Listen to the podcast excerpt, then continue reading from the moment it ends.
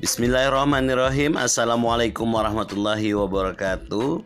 Apa kabar sahabat-sahabat sekalian di mana pun anda berada? Kali ini kita akan coba mengulas salah satu bagian dari empat pilar NLP yaitu outcome.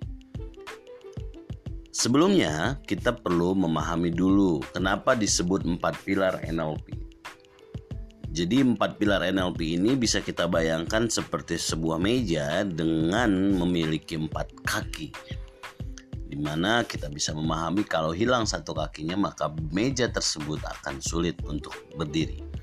Begitu juga dalam NLP, semua teknik yang diajarkan dalam NLP kalau tidak menggunakan empat pilar ini maka akan tidak mudah mengaplikasikannya. Sehingga kita perlu memahami bahwa empat pilar NLP ini adalah bagian yang memang eh, betul-betul bisa kita terapkan terlebih dahulu sebelum mengaplikasikan apa pun yang akan kita terapkan di dalam ber-NLP. Nah, kembali ke awal, sebagaimana tadi saya sampaikan bahwa kita akan membahas tentang outcome. Apa itu outcome? Sederhananya, outcome ini adalah sesuatu yang betul-betul Anda inginkan terjadi saat ini. Sehingga dalam NLP kita diajarkan sebelum mengaplikasikan apa pun, pertanyaan pertama yang perlu kita tanyakan kepada diri kita adalah untuk tujuan apa kita melakukan sesuatu. Sehingga kita tahu jelas saat kita mengambil tindakan, berperilaku, maka kita sudah memahami bahwa kita sudah memiliki tujuan dan ada sesuatu yang kita inginkan terjadi dari apa yang kita lakukan. Sederhananya begini, sahabat-sahabat sekalian, Anda bisa membayangkan ketika Anda berada dalam sebuah pesawat, Anda sudah duduk di dalam pesawat tersebut, dan sebentar lagi pesawat ini akan diterbangkan. Namun, pertanyaannya adalah, apakah Anda akan merasa tenang ketika Anda duduk di dalam pesawat tersebut? Sementara pesawat itu sebentar lagi akan diterbangkan, dan Anda dalam kondisi tidak mengetahui ke manakah pesawat ini akan diterbangkan, di manakah pesawat ini akan landing nantinya, atau berapa lamakah pesawat ini akan melakukan penerbangannya. Sahabat sekalian, Anda tentu tidak akan mudah untuk kemudian menjadi tenang di dalam pesawat itu ketika Anda tidak mengetahui ke mana tujuan pesawat ini akan diterbangkan. Namun kalau kita pikirkan ketika kita naik pesawat saja untuk kemudian tidak tahu ke mana tujuannya, kapan pesawat itu akan mendarat, kita pun tidak tenang dalam melakukan penerbangan tersebut. Namun sadarkah kita dalam hidup ini, kita sebenarnya juga sedang melakukan penerbangan.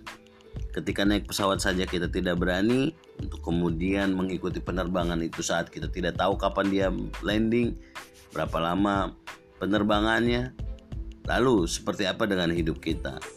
Apakah kita kemudian bisa merasa tenang melakukan penerbangan dalam hidup kita ini?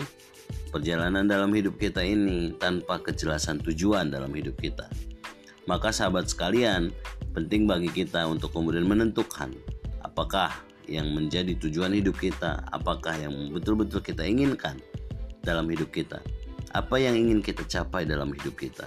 Inilah outcome outcome itu bisa kemudian menjadi rancangan kita untuk jangka panjang bisa juga kemudian untuk sesuai dengan konteks eh, apa pun peristiwa-peristiwa atau situasi yang kita alami saat ini maka sahabat sekalian ketika kita mengetahui tujuan kita kita tahu apa yang ingin kita wujudkan kita tahu apa yang kita inginkan ini menjadi langkah awal kita untuk kemudian mencapai sesuatu dalam hidup kita rasanya ini menjadi pesan pertama kita hari ini sebelum kita membahas hal lainnya yang menarik dari NLP. Dan saya mengingatkan bahwa saya menulis uh, hampir setiap hari di laman Facebook saya. Sahabat-sahabat sekalian juga bisa mengikuti tulisan-tulisan saya yang ada di laman Facebook untuk kemudian mendapatkan manfaat uh, sebanyak-banyaknya. Mudah-mudahan juga bisa menginspirasi kita untuk mengenal dan memahami lebih mudah tentang Neuro Linguistic Programming ini. Saya kira itu dulu sahabat sekalian, tidak perlu berpanjang lebar dulu, bertahap kita akan terus uh, membahas tema-tema NLP dengan singkat dan sederhana untuk kemudian menjadikan kita lebih paham tentang seperti apa mengaplikasikan NLP dalam keseharian kita. Terima kasih. Assalamualaikum warahmatullahi wabarakatuh.